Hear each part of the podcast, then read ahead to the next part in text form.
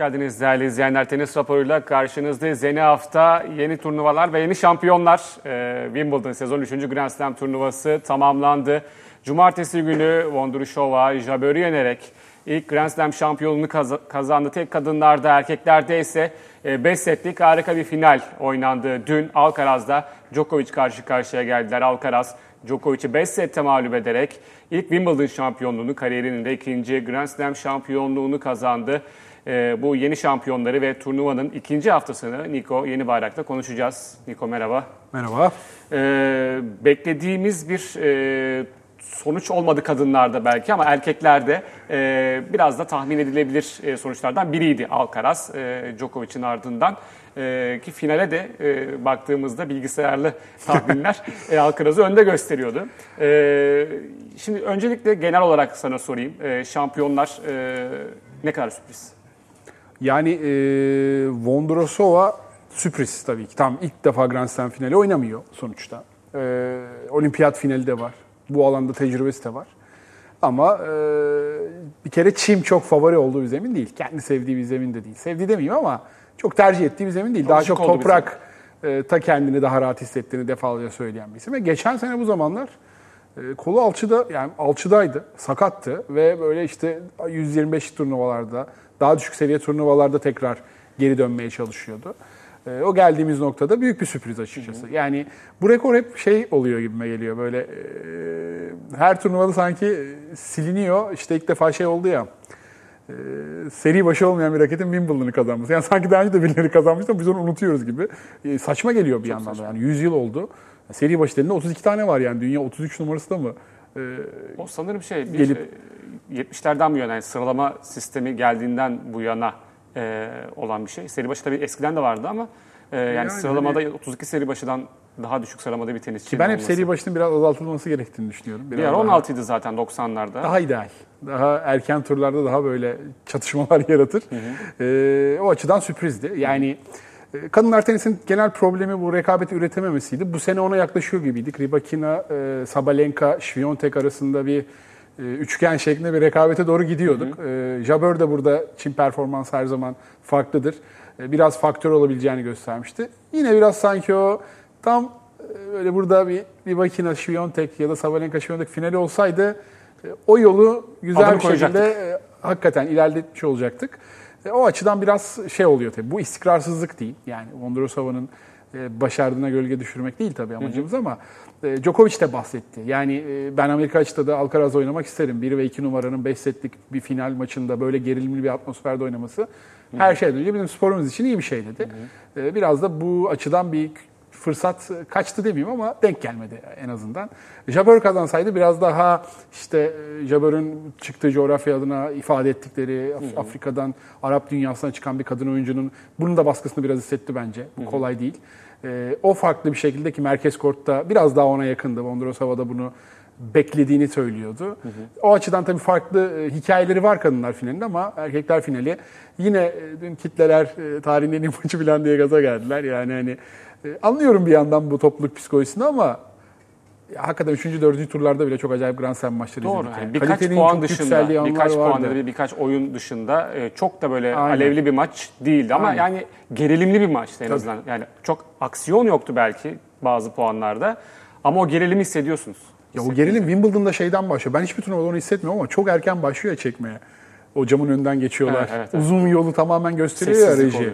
E, o beni hep geri yani kadınlar finalinden önce de e, o- zaten Jabeur dedi yani korta çıktım. Kaskatıydım. Bir de Jabeur bir e, şey yaşamış. Siyah tişörtle çıkmış ısınmaya. Full Hmm. siyah bir kıyafette. Geri yollamışlar. Bir kare fotoğrafını gördüm. Geri yollamışlar falan. Onun bir ufak gerginliği olmuş Hmm. gibiydi sanki. Yani Chris Evert da şey diyordu. "Ha, nasıl bilmez hani gibisinden bir tavır sergiledi. Ee, çok beni geriyor yani o atmosfer, o son düzlükte köşede bir bekliyorlar beraber. Asla birbirleriyle bir diyalogları yok filan. Wimbledon biraz da o şey atmosferini daha iyi veriyor hakikaten. Evet. Ee, Bir de hiçbir yere benzemiyor herhalde Wimbledon'daki atmosfer. Yani Nadal her oynayan kafasını burada oyuncu- mı çarpmıştı? Evet evet. Burada, e, burada burada. Şey maçı, e, Müller maçıydı galiba. Müller maçı aynen. Jil, e, bizim Jil Lüksemburglu. Jil. Müller, solak servisçi. Öyle yani hani e, final tenis kalitesi genellikle üst, üst seviyedeydi. Hakikaten gerilim seviyesi öyleydi. Bir devir teslim gördük belki de. Hani net bir devir teslim hiç görmemiştik. 2001'de Fe- Sampras Federer var biraz. O da bir final değildi. Dördüncü turda ama orada bir daha Sampras'ı Wimbledon'da görmedik. Oradan Federer işte 5 yıllık seriyi işte 8 şampiyona giden yolun bir nevi şeyi nişanını almıştı. İlk defa bu kadar net bir devir teslim görmüş olduk. Bakalım devir teslim olacak mı? Göreceğiz iki ay sonra. Şimdi erkekler finaliyle o zaman e, yavaş yavaş programımıza da e, başlayalım. Derinlemesine konuşalım Alcaraz Djokovic finali. E, Alcaraz'ı e, bu programda 2-2,5 senedir e, hatta 3 senedir konuşuyoruz. Challenger Tur'dan beri e, yükselişte olan bir isim ve e, tabii çok geçmeden de ilk ona gireceğini, Grand Slam adayı olacağını e, konuşmuştuk ama kendisi bunu çok hızlı bir şekilde geliştirdi. E, tabii Juan Carlos Ferrero'nun da iyi koçluğu sayesinde ama mesela daha önceki koçu diyor ki ben hazır zaten teslim etmiştim Alcaraz'ı diyor. Kullan, al kullan diye böyle hazır teslim etmiş. İki Navarro aynen. Ee, yani Nadal hep Nadal'la özdeştir, özdeşleştirildi. Nadal'la bir devir teslim e, olarak görüldü. İspanyol olmasının da çok büyük bir etkisi var tabii. Ama e, çocuk oyun e, tarzı açısından ve gençliğindeki açıklamalarına baktığımızda ben hani Roland Garros ve Wimbledon'ı kazanmak istiyorum. İdolüm Roger Federer diyor.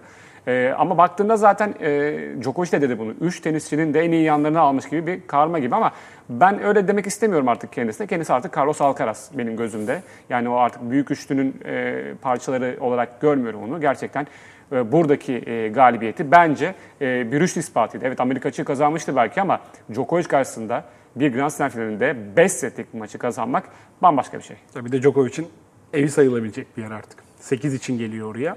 Yani Federer'in rekorunu egale etmek demek. Sizi tarihin en büyük e, iki çim oyuncusundan biri yapıyor e, Aynen. olacak. E, Tek final kaybetmişsiniz Nadal'a sadece. E, saçma sapan rekorlarınız var. Yıllardır, günlerdir burada maç kaybetmiyorsunuz. E, bir set öne geçtiniz Grand Slam maçlarında bile, iki sette bile çok korkunç bir yüzdesi var zaten. 256'ya 1. E, Bir tek e, Jürgen Melzer'e Roland Garros 2010'da kaybetmiş. E, 2-0 geriye düşmekle burun buruna geliyorsun ve ya tam şeydi yani hani e, Djokovic'in özellikle 2011 sonrası e, gerçek prime'ının başladığı dönem e, den sonra bir şekilde ne yapıp edip kazanmanın yolunu bulduğu böyle bir sürü maç var yani. Bir sürü maç var. İyi başlar, arada bir düşer, bir, bir set, kontak kapatır. Garip garip ya bu aynı adam mı dersiniz. Sonra e, biraz belki bunu bile bilerek mi yapamıyorum. Rakibine biraz ekstra özgüven pompalar. Rakibi tam biraz rahatladı noktada. Orada bekliyordur yani Djokovic. O fırsatı da buldu. Dördüncü sette. Ee, Dördüncü sette buldu, geri döndü. Ee, Beşinci setin başı çok kritik, çok kritik. Ee, O puan soruldu, biraz rüzgar vardı Ee, ve Alcaraz'ın sağa doğru hareketlendiğini gördüm. Biraz onu şaşırtmak için de drive vurmaya çalıştım. Acele ettim dedi. Ee, Şeyi hissettim, yani ilk defa e, dördüncü setin başında aslında e, biraz böyle e, changeover'lardan falan dönerken biraz daha oyalandığını, biraz daha işte ısınma germe hareketlerini biraz daha arttırdığını, biraz fiziksel forehand'de biraz gücünün azaldığını, ha biraz ilk defa hakikaten Djokovic ya bu adam 36 yaşında ya bunu hissettiriyor dediğim maç bu oldu benim. Dördüncü set her ne kadar ivme kendinde olsa da e, biraz Alcaraz'ın da orada olmanın verdiği telaş panikle ben dördüncü seti biraz böyle oldu bittiye geldiğini düşünüyorum. Ama beşinci sette e, hep alıştığımız şekilde Djokovic oradan yani 6-1 kazansaydı çok şaşırmazdık açıkçası. Çünkü dördüncü setin başında da bir fırsat buldu aslında Alcaraz. E, 2-0'la girebilirdi ve 3-1 bile bitebilirdi 4 sette. E, o açıdan e, biraz bugüne kadar alıştığımız teamüllere ters ve hakikaten Djokovic'in de e, yaş dezavantajını, fizik dezavantajını, yani bunu söylemek biraz garip ama hissettiğimiz maç oldu. Çünkü karşısında Alcaraz'ı hakikaten e, fiziksel bir anomali. Şimdi Alcaraz'ı hep toprakta bekledik. Ee, ilk Grand Slam'ini Roland Garros'ta kazanacağını bekledik. E, büyük başarını ilk olarak toprakta elde edeceğini bekledik belki ama ilk Grand Slam'ini Amerika açıkta kazandı.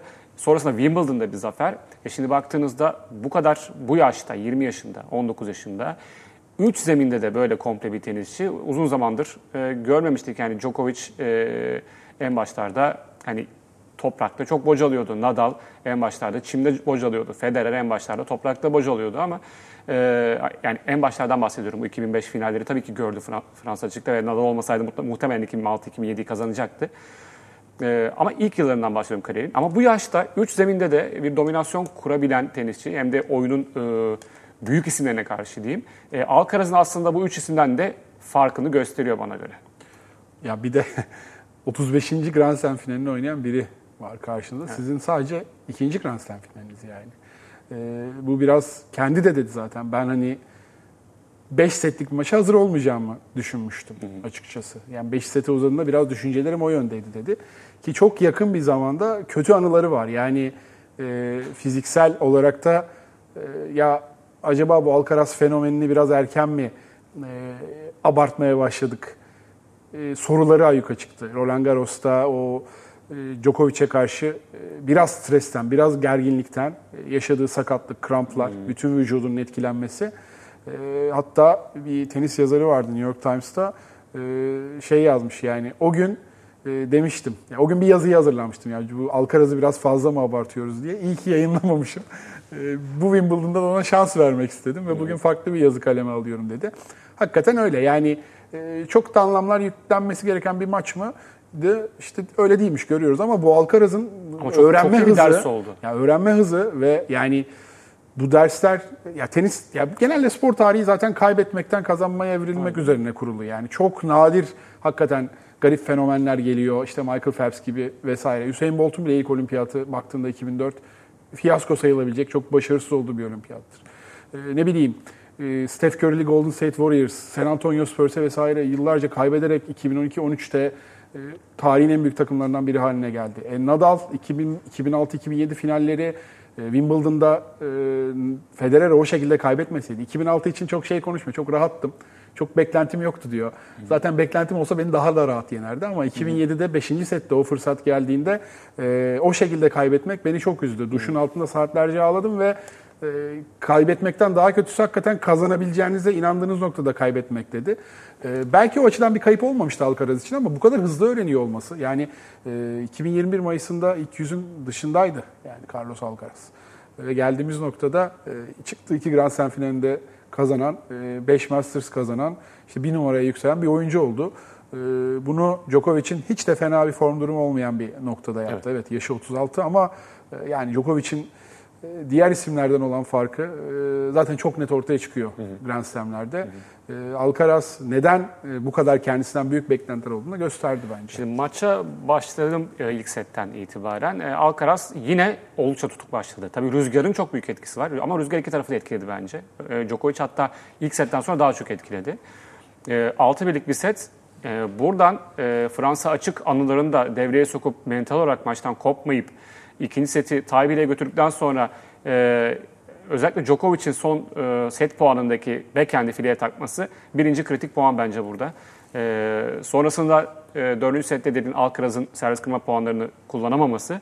Beşinci setin başında da e, Djokovic'in o çok 30-40'ta. rahat bitirebileceği bir puanı bitirememesi ki yani hem e, tie puanı alsa e, Djokovic ve tie kazansa hem de 5. setin başında servis kırsa bu maçı kazanacaktı Djokovic. Yani 2-0'dan bu maçı vereceğini düşünmüyorum ben Djokovic'in. Belki Yok. yine 5 sete giderdi. Alcaraz kendi dedi. 3 sette kaybederdim. dedi. Ee, ama yani öyle bir şey olacağını düşünmüyorum.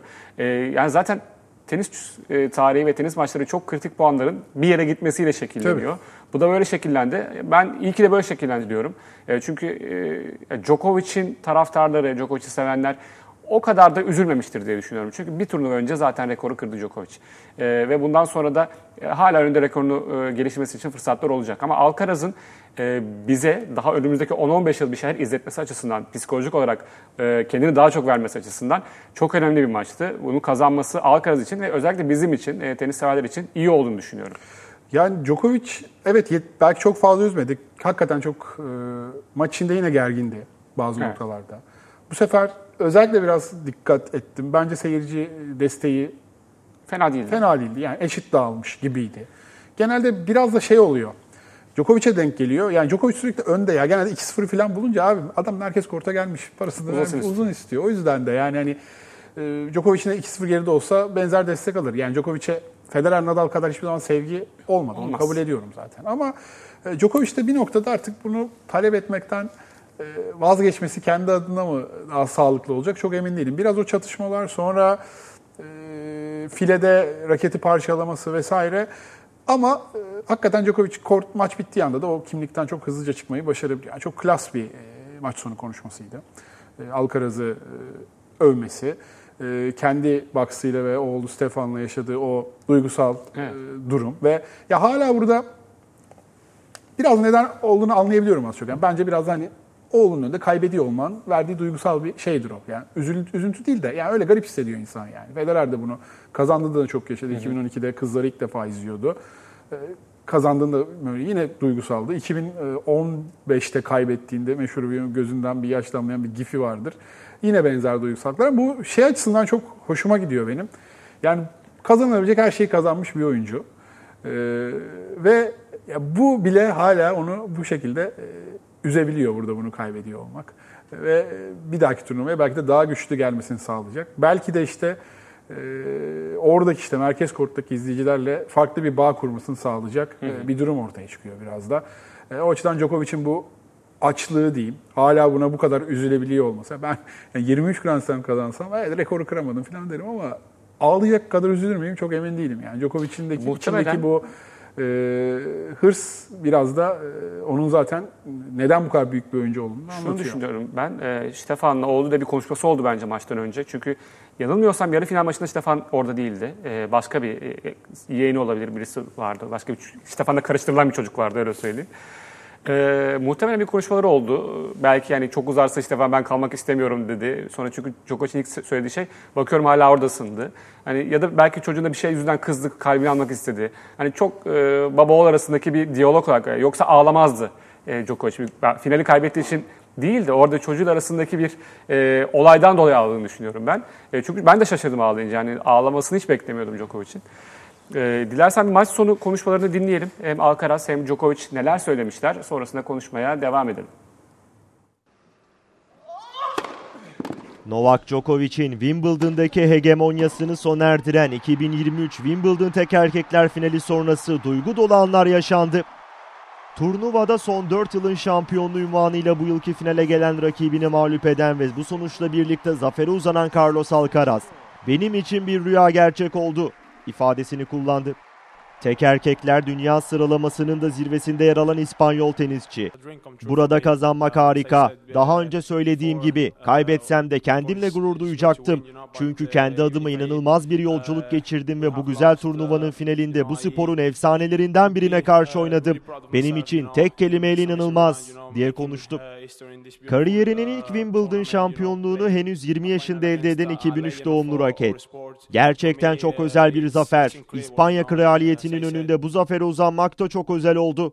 İspanya kralı Felipe'nin huzurunda oynadığım iki finalde de şampiyon oldum. Kral umarım maçlarıma daha çok gelir diyerek röportajını esprili ve güzel bir şekilde sonlandırdı.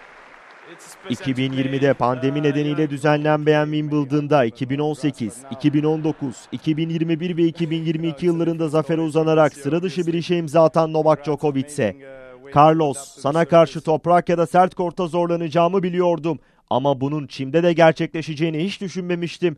Çok ayrı bir hikaye. Tebrik ederim. Bence çim korta adapte olmak için harika bir yerdi diyerek genç rakibine övgü dolu yorumlarda bulundu. Bu yılki mağlubiyetine rağmen kendisiyle ve kariyeriyle gurur duyduğunu belirten 36 yaşındaki tek erkekler dünya 2 numarası. Burada bu maç gibi kafa kafaya giden birçok maç oynadım ve bunların çoğunda galip geldim. Örneğin 2019'da Roger Federer'le oynadığım karşılaşma bunun örnek. Bahsettiğim maçlardan belki de birkaçını kaybetmeyi hak etmiştim. O yüzden bu finaldeki yenilgi durumu biraz daha adil hale getirmiş olabilir diyerek alkışlanan bir öz eleştiride bulundu. Röportajının sonunda ailesinden bahseden ve bu sırada gözyaşlarına hakim olamayan Novak Djokovic, locasında yer alan oğlu Stefan'a ithafen. Seni seviyorum, beni desteklediğin için çok teşekkür ederim, sana sıkı sıkı sarılacağım diyerek Wimbledon'a bu yıl için veda etti. Evet Alcaraz e, en genç rekorlarında yaklaşıyor yavaş yavaş. E, yani e, en genç üçüncü tenisçi oldu açık, dönem, açık dönemde Wimbledon'ı kazanan. E, birden fazla Grand Slam şampiyonu olan erkek tenisçilerin en genci. İkinci en genç Djokovic. Djokovic. 16 yıl fark var doğum tarihleri arasında. 90 jenerasyonu. Ee, bu arada 5 setlik maçlarda da Alcaraz 9'a 1 oldu. 9 galibiyet, 1 mağlubiyet. Tek mağlubiyeti 2022'de Avustralya açıkta Berrettini karşısında aldı mağlubiyet. Yani diyoruz 5 set başka oynamak e, her zaman. E, bu kadar genç yaşta e, 9'a 1'lik bir istatistik. Yani %90'lık bir galibiyet 5 setlik maçlarda enteresan. Korkutucu. Evet yani hani hep mental yönüne vurgu yapılır ya tam fiziksel bir sıkıntısı yok Alcaraz'ın. E, Tanker dolu, okey. Çok kuvvetli forehand. Yani öyle bir forehand vuruyor ki ben böyle şey böyle ekran başında hepimizden biraz bir güç alıyor gibi. Evet. Yani böyle hissediyorsun ya adamın her şeyini vererek vurduğunu. İlk sette biraz onları çok denedi. Biraz e, ayarını yapamadı. Çok da kaçırdığını, yüklendiğini gördük. E, ya bilmiyorum. E, çok böyle Nadal'la bir an ansızın çıkmıştı. Hani Federer yenilmez gibi gözükürken 2004, 2005, 2006'da. Yani mevcut oyunculardan bu seviyeye çıkabilecek mi? Rune, Siner, ee, çok emin değilim yani. Alcaraz'ın e, seviyesinin ne kadar farklı olduğunu dün bir kez daha çok net bir şekilde gördük. Yani Rune Grand Slam'ler kazanabilir, Siner kazanabilir evet ama e, bahsettiğimiz bu büyük üçlünün kumaşı biraz farklı bir şey. Sinir bana yani. daha kırılgan geliyor. E, şey Evet, olarak, fiziksel e, olarak fiziksel olarak kırılgan geliyor. Rune e, maça odaklanamıyor. Evet. E, Alcaraz da mesela çok maç içinde dönüp hocasına kızdı bir şeyler söyledi ama o maç içinde hiçbir zaman ben onun e, bir odak dışına çıktığını düşünmüyorum maç. Ya herkes şey çok söylüyor Alcaraz'la ilgili. Yani e, tenisi severek oynaması, Evet. işte e, sürekli eğleniyor gözükmesi. Yani Zverev ilk maçlarından sonra buna vurgu yapıyordu. Ondan sonra genellikle Alcaraz'ın rakiplerinin maç sonu konuşmalarına bakarsan, olgunluğunun yanında hakikaten bundan çok büyük bir keyif aldığını e, gözlemleyebiliyorsunuz oynarken. E, o açıdan da bence e, tüm bu eşsiz e, yeteneğine e, böyle bir şey var. Yani mesela Federer'de de bu çok büyüktür hakikaten tenis sevgisi. Ee, onun belki 40 yaşına kadar bunun peşinde olması. Nadal Djokovic'te de hakeza öyle. Yani öncelikli koşul bu. Ee, bu olmadan da ya ben mesela Çiçipas'ta o kadar yani his, bana geçmiyor his. Her şeyini verdiğini çok hissetmiyorum yani. Kyrgios hakeza böyle. Ya da ne bileyim yani e, Kasper Ruud severiz toprak. Ya biraz çaba olmasın mı? Yani çimde ya çimde bu kadar kötü oynamayı nasıl kabullenebilir bu seviyede Grand Slam? Ya böyle bir şey olabilir mi? O zaman Nadal da ya ben çimde kazanamıyorum deyip iki kere e, her şeyini vermeseydi Federer'e karşı üçüncüyü kazanmasaydı. Bu sizi biraz diğer yerlerinden e, ayırıyor. E, bu mentalite zaten. Hani o zaman da Alcaraz, e, Novak Djokovic o da bir tercih Kasper Ruud'da. Böyle takılmak, konserlerde gidip arada keyif için tenis oynamak, toprak sezonumu alayım ben deyip e, şeyine bakmak istiyordur belki ama bu arada küçük bir detay o Prince George'dan çok e, ürküyorum ben. E, çocuk adam hakikaten. Yani, Yani- ben üzülüyorum biraz kendisi Ya için. zor tabii. Bir de abi bekler ya. Sağlıklı dede de kaç yıl bekledi adam. Kral Yani üzülüyorum olmayı. dediği için 20 diyecekler. yılı var helalinden, Çocuk temizinden. kraliyette senden iyi Ee, yaşıyor falan diyecekler izleyenler belki. Ona üzülmüyorum. Yani çocuk çok büyük baskı altında yetişiyor. Crown Onu, üzülüyorum. izlediğimiz kadarıyla biliyoruz bu kraliyet ailesindeki sıkıntıları. Ee, bir şey daha diyecektim. Ne diyecektim? Neyse unuttum. Dün çok ünlü vardı. Sıra gelir bir ara. Hugh Jackman, Novak Djokovic alakasını evet. şey yapamadım, yakalayamadım Yani çok. seviyor tenisi. Daha birkaç maç yani birkaç turnuva öncesinde de e, locada değildi ama izliyordu maçları şeyle beraber.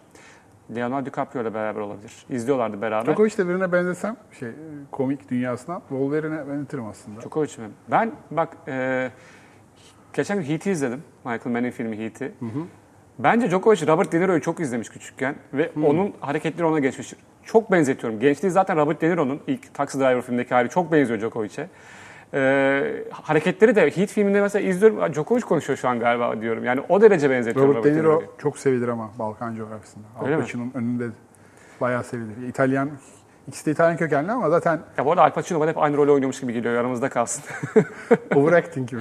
hep aynı rol sanki böyle yani. Kaan abi de bir yerde aynısını söylüyor. Öyle mi? Bir hatta linç yemiş Al Pacino. Aha Edith Çelik eyvah. Yani hani overrated mı? Öyle bir şey vardı anlatıyordu ya geçen overrated bir değil de şimdi e, Djokovic şeyden sevgimi kazandı. Ee, şey dedi ya maç sonu şeyinde benim de kaybedebileceğim bazı maçlar vardı. ki. Even Steven dedi. Evet. Seinfeld izleyicisi olduğu e, izlenimine kapatılmış. Cosmo Kramer'ın o şeyidir. Yani eğrisinin doğrusunu bulması gibi anlamında kullanılır. Yani ilk oradan çıkan bir şey. Herhalde dedim Seinfeld izliyor. Oradan bir artı puan yazdım kendisine.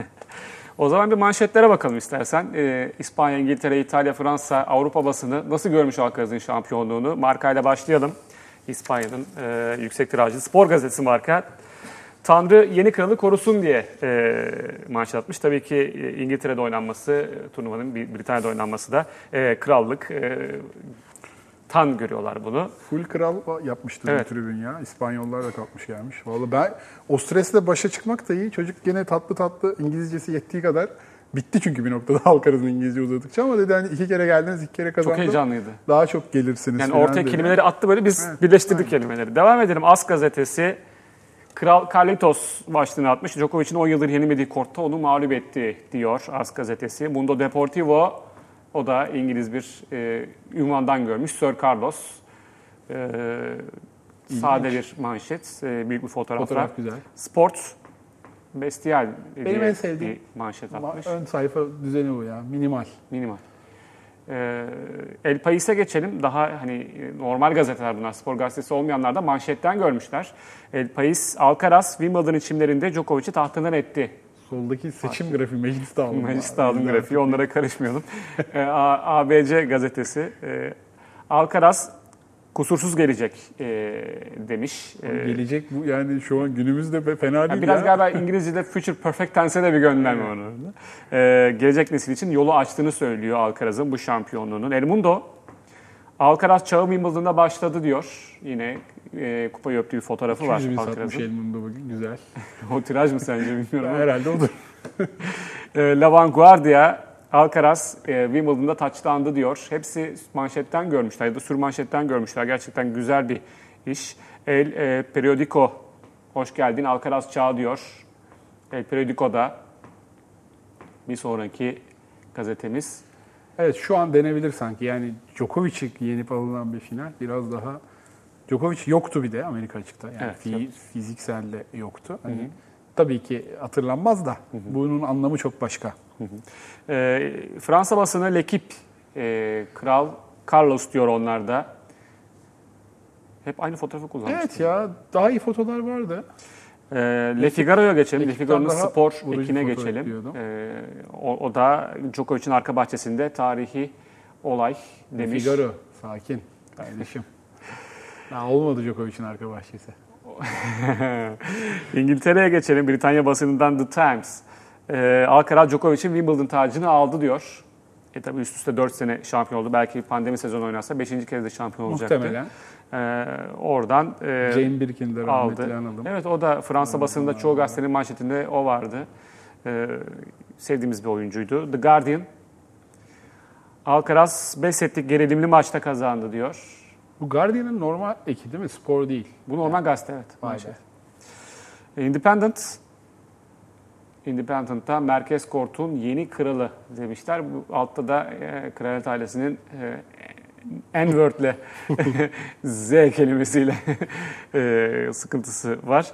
E, Daily Telegraph Yüksel Kral Carlos diyor. E, yeni kralın doğuşu e, olarak görmüş bütün Avrupa basını. Daily Express Bu fotoyu ilginç. Daily Express'te de yeni çağın zemini, çimenleri ama aslında down off yani e, şafağı e, kelimesinden e, çime dönüştürmüşler. Down off Nivara demişler. Bir kelime oyunu yapmışlar. E, İtalya basınından da Corriere dello Sport İtalya basını çok büyük görmemiş. E, yine Alcaraz'ı kral Sinir. kralla birleştirmişler ve Alka kral, al kral tarzı bir şey yapmışlar. E, Tutto Sport'ta İngiltere'nin e, birinci Carlos yani İngiltere'nin ilk birinci Kral Carlos'u şeklinde bir e, sür manşette görmüş. Avrupa basını geniş geniş yer ayırmış Alcaraz'ın e, bu şampiyonluğuna diyelim. Djokovic için de kapatmadan erkekler kısmını e, aslında e, en büyük olay yarı finaldeki hindrance ve ağlama olayıydı. Biraz Evet. ondan da konuşmak istiyorum. E, yani hindrance olayı bence doğru karardı hakem için ama çoğu maçta uygulanmayan bir karar ki e, Fransa açıktaki Alcaraz Djokovic maçında örneğini gö- gördüm. E, Alcaraz çok uzatıyor ama hindrance kararı gelmiyor. E, sen ne dersin o hindrance olayı için? Ya teniste bir bazı kurallar var. Bir de bunları kafasına esine uygulayan hakemler, uygulamayan hakemler var. Ee, Evet, hakikaten bir frek şeylik var, bir senkronsuzluk var yani. Bence önce vuruyor, sonra Tabii. bağırıyor. Ama oluyor yani hani Rublev şeyde de oldu. Ee, Orada tabii vurduğu anda bağırdı. Bitti Evet. zannettim onu. Evet, onu da anlıyorum. başka. Bubli'yi bu arada mükemmel puanda. Ee, yani gerek var mı? Dün, dün mesela sen şeyden mi izledin? İngiliz spikerler acayip taktılar. Süreyi değil mi? Yani Biliyorum. violence bir tane uyarı gelene kadar sürekli saydı bir Şey de tanesi. işte ilk servisteki ilk servis arasında da süre olmalı. Çok İnanılmaz taktılar ona. inanılmaz taktılar. En sonunda aşırı da kritik olmayan bir yerde e, Geldi. verdi hakem. Djokovic de bazen evet e, özellikle ikinci serviste rüzgar da çok vardı. Evet. Dün ona çok takıklardı mesela. Ya ben buna da bu kadar takık olunmasını Bu çok... hindrance olayı da dün e, Djokovic'le Nadal olunca çekilmiyor ama. İkisi Çok çok, uzuyor. ikisi de çok Ya, uzatıyor. tam, o shot clock iyi oldu o yüzden. Ee, dün mesela bazı puanlarda tam e, Alcaraz topa vuracakken öyle bir bağırıyor ki Alcaraz. Ben dışarıda kararı geldi sanıyorum çizgiye yakın toplarda. Mesela bence bunun da bir gözden geçirmesi lazım. Ee, çünkü normalde bağırmıyor, bağırmıyor ama çizgiye yakın gelen topta e, böyle çok kendini bir böyle yırtarak, gırtlağını yırtarak bağırıyor. Ee, orada ben birkaç kere dışarıda olduğunu düşündüm topun. Ee, yani Djokovic e, Allah'tan öyle düşünmedi. E, maç devam etti. E, ağlama hareketi de e, yani tribünden gelen bir e, tepkiye etkiye tepki olarak görüyorum. Bence e, Djokovic'in başarısından hiçbir şey götürmeyecektir. Ya dersiniz e, Djokovic işte aşı olmadı, gol hak etmiyor, işte kitle arkasından yürümeyi, yürütmeyi hak etmiyor. Aşı özelinde tamam kabul ederim. Ama burada yani insani bir tepki verdi e, ağlama hareketiyle. E, çünkü bence yıllardır zaten program başında da konuştuk. Ya bu oluyor yani. Federer'in desteklenmeyen de taraftaydı. ağız olsun shut up darmıştı var Roland Garros Var. 2011-12'de. Yani Var.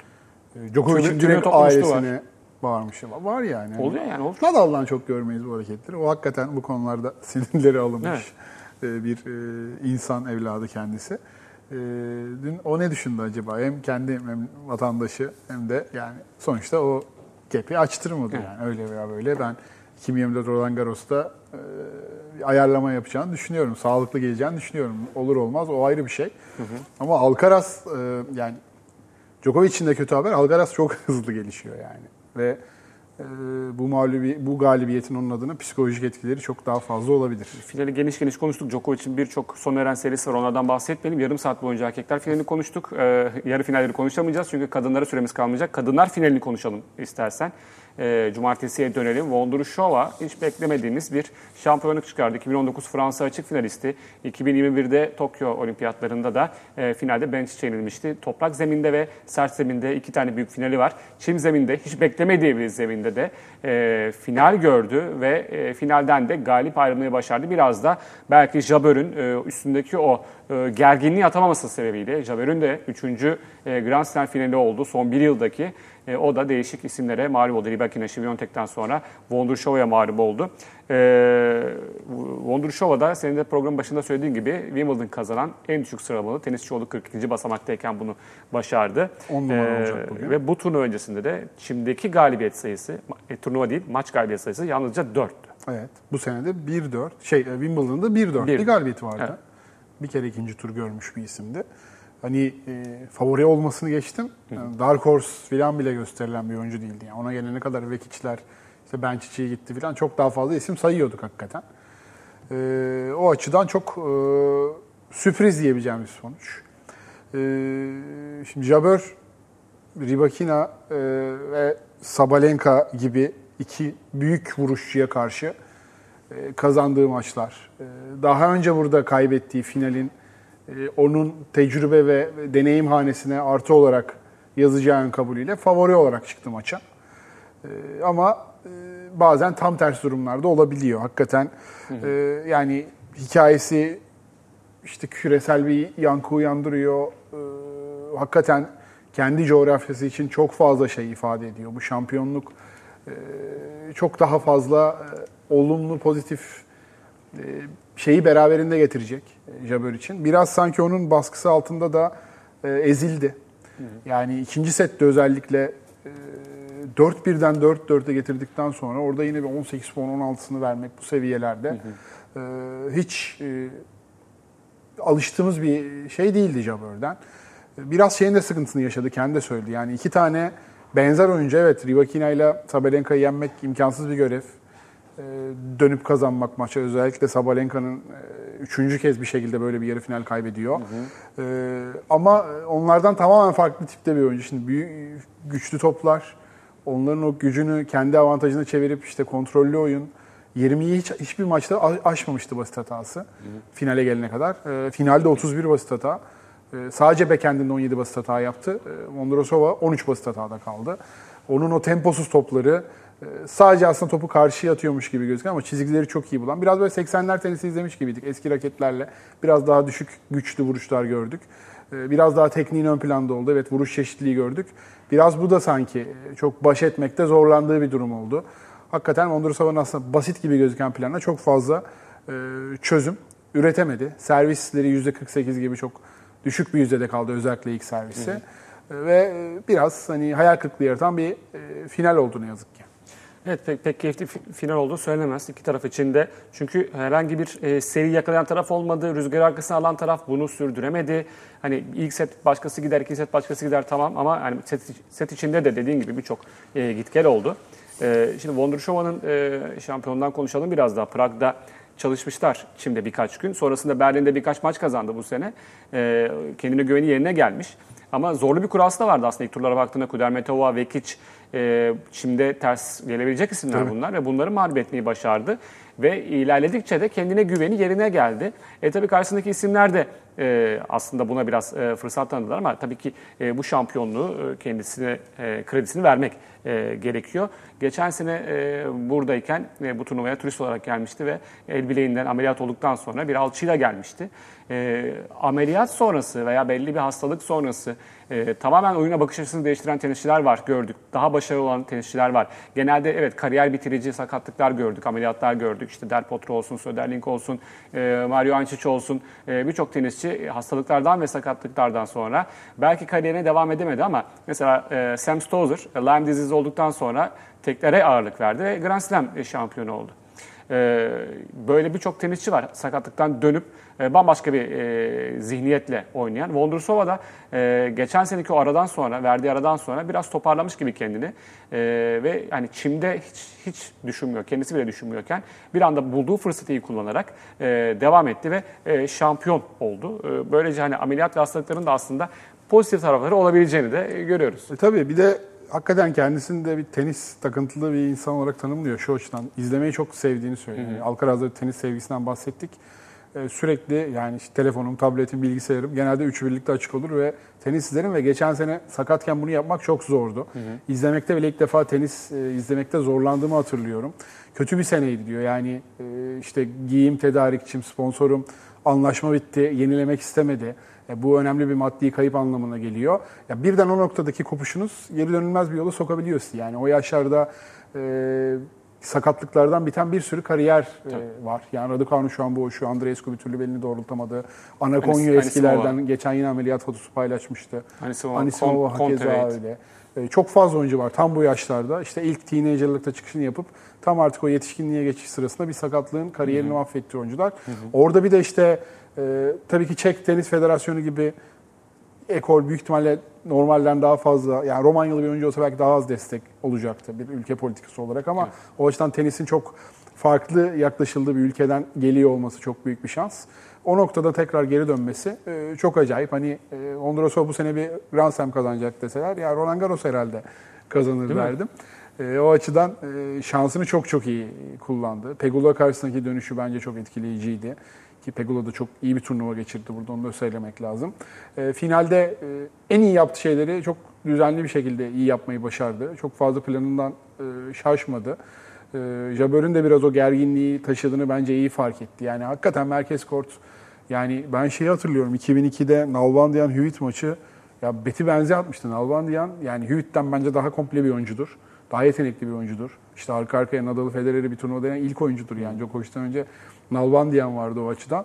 Ee, çok daha iyi yerlere gelmesini bekliyordum ama korkunçtu ya. Marin Cilic ağladı biliyorsun 2017'de yani. İşler yolunda gitmiyordu yani. Sakatlığı da vardı tabii. E, vardı ama yine de yani hani koskoca Marin Çiliç öyle görünce insan garip karşılıyor açıkçası. E, o baskının altında maalesef e, biraz şey oldu ve ilk seti kaybettikten sonra daha da şey hissetmeye başladım. Yani bu sefer de elimden kayıp gidiyor. İşte 3. Grand Slam finalimde kaybetmiş olacağım. O kulüpler hemen tutulur biliyorsun. Ivan Lendl e, uzun süre üyesiydi. Kim Clijsters dört kere kazanamadı ama sonraki dört finalinde kazandı Evet. mesela. Bakalım Jabber'in kaderi benzer olacak mı? Bir Grand Slam kazanacağını ben düşünüyorum, inanıyorum. Ee, bence tam formda olmadığı noktada burada iyi vites arttırdı Wimbledon'da. Biraz favori olmanın verdiği baskıyı çok iyi omuzlayamadığını söylemek lazım. Yani iyi yaptığı şeyleri de çok iyi yapamadı. Bir türlü servis ritmi bulamadı. Ee, bir türlü basit hata sayısını azaltamadı.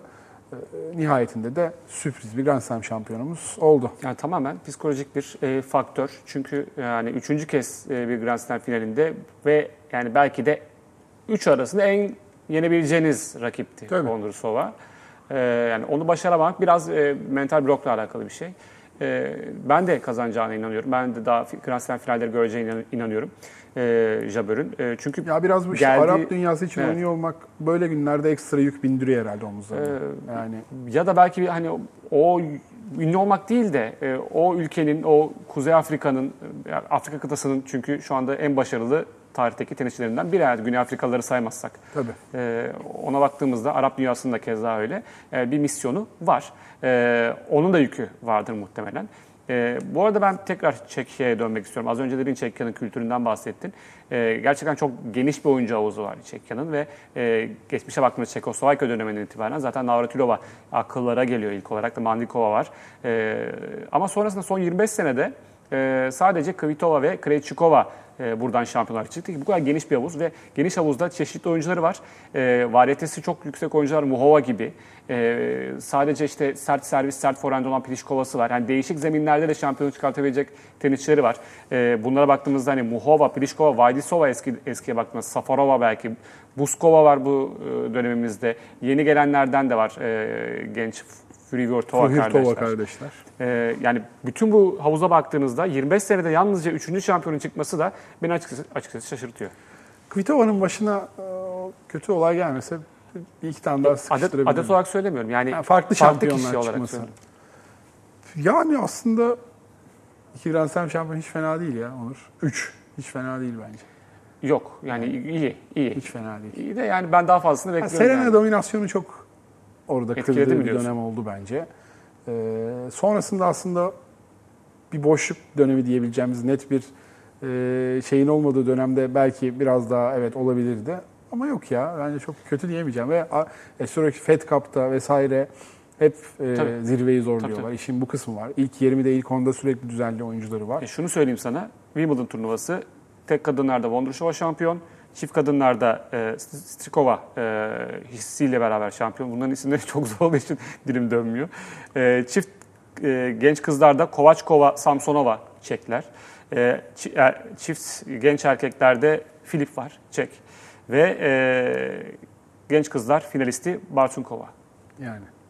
Yani bir sürü şampiyon Acayip çıkartmışlar. havuz. Yani bence hemen e, gidip böyle uzun süre orada vakit geçirmek ne yapıyor bu? Neyi doğru yapıyor bu insanlar? Hani işte Amerika'da, Almanya'da filan e, ekonomik olarak belli bir standarttaki ülkelerde, tesis açısından sıkıntısı olmayan ülkelerde vesaire biraz da anlayabilirsin ama e, ya biraz daha sanki bize yakın diyeyim diyebileceğimiz toplumlarda işte refah seviyesi vesaire açısından e, hatta belki genetik açısından e, nasıl bu kadar farklı olabiliyorları daha iyi irdelemek gerekiyor sanki. Yani doğru modeli biraz baz almak, getirip buraya kopyalamak falan kötü bir şey değil yani bunlar.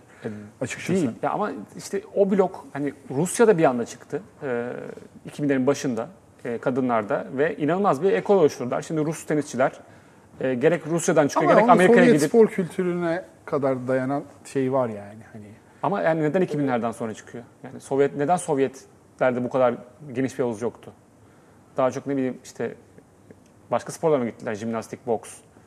Herhalde yani 80'ler tenisin çok popüler olduğu bir şey değil Sovyetler dönemi aldığım kadarıyla. Genetik faktör Biraz daha takım sporlarına ve atletizme e, yönelim söz konusu. Ondan sonra tenisin de aslında 80'lerden sonra aslında küresel anlamda popülerleşmesi Borg McEnroe rekabetinin biraz getirdiği bir şey olduğu için de ya burada da böyle bir şey varmış hadi biraz da bununla ilgilenelim gibi e, oluyor. O da kolay olmuyor zaten. 80'lerde bir şeyler ekmeye başlasan 90'lar 2000'lerde zaten oyuncuların çıkar ki 90'ların sonu 2000'lerin başı ilk onda 5-6 Rus oyuncunun olduğu acayip zamanlar. Tabii, tabii. İşte erkeklerde de Kafelnikov, e, Safin. Safin. E, onlarla başladı aslında Rusya ismini duymamız e, Evet. teniste. Sonrasında kadınlar bir anda bayrağı Medvedev vardı. Diğer Medvedev. Ee, Andre evet. Agassi, e, Evet. Fransa açık finali kaybeden. 92'de galiba. 90 yok daha geç 2000 2000'lerin başı ya. Andre Agassi çok sonra kazandı. Üçüncü geri dönüşünde Roland Garros kazandı. Tek eksiğiydi. Yok Medvedev'den bahsediyorum. Medvedev, ilk Medvedev İlk mi- 92'de kaybetmedi mi? Ha evet evet doğru. doğru. İki finali var galiba. Doğru. E, yani bu kültür başka bir kültür. Öyle Aynen. dışarıdan hoca getirerek oluşturacak bir kültür değil sanırım. Yok, hiç değil. Bir ara E, onlara genetiğin etkisi olan bir şey var. Neyse ki o işte Tomic falan biliyorsun. Tabii tabii. tabii. Aman aman. Bir ara, yani o zaman biraz daha şeye gidelim, e, batıya gidelim Rusya'dan, Bas- Belarus'a gidelim. Sabalenka hakkında konuşalım. Sabalenka e, üst üste ikinci yarı final, e, toplamda üçüncü yarı finalde elindeki maçı e, verdi. E, Fransa açıktaki etki maçın e, anıları bir anda yanılmıyorsam Maalesef ya. canlandı gözünde ve e, hani bu sezonun başında ne konuşuyorduk? Sabalenka demişti ben artık daha pozitif olacağım. Başta geriye düştüğümde hemen çevirmeye çalışıyordum. Elim ayağıma dolanıyordu. Çok da iyi başardı aslında. Büyük finalleri var, büyük şampiyonlukları var bu sene. Ama o Fransa açık yarı final mağlubiyeti korkuyorum e, sezonun geri kalanına sirayet edecek. Yani hani e, Abdurrahim Albayrak'ın bir çıkışı vardır. Bir maç nasıl kaybedilir bütün Türkiye gördü diye. Hakikaten e, yani e, Sabalenka'nın unuttuğunu düşündüğümüz yani Evet. toprak inanılmaz şey olduğu bir zemin değil. Burada çok eline gelen bir maçı. Çok fazla gelen fırsatı. E, yine ara ara çift hata krizinin hortladığı. Yine e, en iyi yaptığı vuruşlarda ellerin titrediği bir noktada e, hakikaten Amerika açıya kadar nasıl toparlanacak? Aslında en, bence ilk kazanması gereken, ilk kazanmasını beklediğim Grand Slam'de. Orada da Osaka'ya kaybettiği çok trajik bir maç var yine yarı finalde. Ee, arka arka ikincisi ağır oldu. Yani bu maçı böyle kaybetmek de ne bileyim 6-4, 6-4 kötü oynadığın bir günde Evet. her şeyi yaptın ama rakibinin senden daha iyi olduğu günde kaybetmek de şu şekilde kaybetmek arasında fark var. Finalde de iki, iki oyuncu da bence e, Jabeur kaybetti ama Vondrosova karşısında şanslarının daha fazla olacağını biliyor. Belki Evet. o baskı da biraz e, erkenden yani hem yarı finalin stresini belki ya maçı tamam kopardım alıyorum dediği noktada biraz finali erken düşünmeye başladı. Oradan mı konsantrasyonunu kaybetti? E, yani Jabeur'ün iyi oyunu bambaşka ama biraz Sabalenka'nın kendi kendini imha butonuna bastığı bir maç oldu. 2017'de hatırlıyor musun? Fed Cup maçından çıkıp sana gelip şey demiştim. Bir kız var çok iyi oynuyor. Evet. Aynen. İşte o kız Sabalenka. Sasnovic, Sasnovic, Sabalenka, Ee, şey, Azarenka vardı. Azarenka, Azarenka yoktu. yoktu. Azarenka'sız Yoktu. bayağı Hatta iyi finalde finalde finale çıktıklarında acaba Azarenka'yı alacaklar mı? Ee, Ama kimi gelemiyordu zaten Azarenka. Amerika'daydı o ara. Karış. 2017'de o kadar karışık sakatlığı vardı. Ha öyle mi? Ee, acaba hani Azarenka'yı alıp bunlardan birini mi feda edecekti? İkisi de iyi oynuyordu çünkü Sasnovic'le beraber. Ee, bir numara olacak diye düşünüyordum. Ee, çok yaklaştı. Evet. Bir- kazansa finale çıksa yetiyordu. Yani 2-3 oyun yaklaştı. Ee, olmadı ama bir gün olacaktır ya. Şimdi yani Svi- e, de tekrar vites arttıracağı bölüm bu. Evet. Ee, o açıdan iyi fırsattı. En azından birkaç hafta e, bir numarayı muhafaza edebilirdi. Değişik olurdu bizim için de. Svitolin'e ne diyorsun? Yani Prime'ında görmediğimiz şeyler gördük ya hakikaten. Evet. Ee, takdir ediyorum ya. 7 ay, 7,5 ayda geldiği nokta. e, acayip. Ee, ve yani Amerika sezonu içinde e, artık şey sıralamada da epey yükseldi. Artık kendi sıralamasıyla rahat rahat turnuvalara gitmeye de başlayacak. Wildcard vesaire şu bu. Yani alması sorun olmaz, teşkil etmez tabii ama hakikaten bu kadar çabuk, hızlı dönmesini beklemedim. Yani e, doğum öncesi dönemde de çok yüksek bir irtifada bırakmamıştı. Ya böyle sürekli turnuvalar, maçlar kazanırken de yani mesela Serena Avustralya açığı kazandı. Sonra e, işte doğum yaptı gibi bir durum da yoktu. Yani artık kariyerinin biraz düşüş trendine girmiş bir oyuncuyken e, çok daha iyi bir oyuncu olarak geri döndü hakikaten. Toprak sezonunda bunun işaretlerini vermişti. Yani Svitolina bunu hep iyi yapar. Dördüncü tur, çeyrek final. Belki yarı final görür ama e, burada şeyi var yani. Burada yapabileceğinin en iyisini yaptı hakikaten. Son şampiyon Rybakina da aslında e, Benim en büyük hayal kırıklığım oldu bu turnuva adına. yani iyi bir maç çıkarttı aslında Jabeur karşısında ama son set e, çok tek taraflıydı. Aynen çok çözüldü. E, O da herhalde 3 setin uzamasına mı hazırlamamıştı. Biraz kolay kazanacağı bir maç gibi mi gördü? E, bir tur önce maç oynamadı tabii. kolay pes etmeyen ters bir oyuncu. Evet biraz ritmi de bozuldu. Ritim de önemli burada. Ee, benim adıma yani bu turnuvada e, yolu da bence ne olursa olsun geçen seneden daha iyi oynuyordu burada şampiyon olduğu seneden. En azından. Sezon boyunca iyiydi zaten. evet iyiydi. maçına gelene kadar biraz hayal kırıklığı oldu.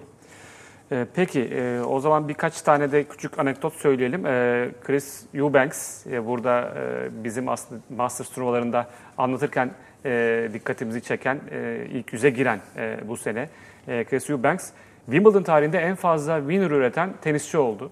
Acayip. Ee, çok Yani- acayip bir istatistik ve yani çeyrek finalde elendi. İki maçta eksik oynadı atıyorum final oynayan diğer e, tarihteki tenisçilerden veya yarı final oynayanlardan bir maç eksik oynadı. Buna rağmen e, Wimbledon tarihinde e, winner rekoru kırdı. E, o da buradaki başarısı aslında yine Amerikan tenisinde bir e, Amerikan tenis severlerini bir heyecanlandırdı. E, umarız devam eder. İlginç bir trende girdi. Yani hakikaten ilk yüzde de çok görmediğimiz, işte eleme turlarında gördüğümüz, belki ülkesindeki turnuvalarda wild card'la gördüğümüz bir oyuncuydu. Hani bir süre sonra böyle Antalya'da ITF 15 falan kovalarken göre- göreceğimiz belki bir oyuncuydu. Miami ile birlikte Adam içindeki gücü keşfetti. Hakikaten ilginç de fiziği var yani çok incecik bacaklar vesaire. İyi yaylanıyor servis atarken zaten uzun. Kanat açıklığı da acayip. Çok sinir bozucu servisler Bunu atabiliyor. alacaktım unuttum. Ne? Ja- Jamie Foxx biliyorsun. Evet, Jamie Foxx'la evet. Miami'de Gelmişti, bir, bir araya geldiler. Bir set arasında, yağmur arasında. Hemen O maçı kaybetti belki ama hemen bulaştırdı. O Çiçipas maçıydı değil mi o da? e, galiba evet. U- ya da Medvedev olabilir. Ya Çiçipas Evet bayağı zorlamıştı. Tiebreakler vesaire vardı. Ee, yani buraya da uygun. Sezonun geri kalanında da sıkıntı çıkarabilecek mi önce? Böyle Amerika açıkta iyi bir destek falan. Bir dördüncü tur çeyrek final görürse şaşırmam. Peki süremizin sonuna geldik. Niko. Hızlıca. Wimbledon'da böylece. E, güzel bir yemiş olduk. organizasyonda bayağı kalabalık bir karşıda kalamıştı. Maç izlenmiş bu arada. Evet. e, Ee, böyle sonra voleybol bekliyoruz böyle maçı da şeyleri. Aynen öyle. Ee, doluyor yani. Siz yaparsanız insanlar gelir. Ee, o insanlara da selam edelim burada. Kendine teşekkür edelim. E, Masters turnuvaları olacak Kanada'da ve Cincinnati'de e, Ağustos aylarında TU Spor'da. E, biz iki hafta ara vereceğiz. Sonrasında tekrar e, görüşmek üzere. Hoşçakalın.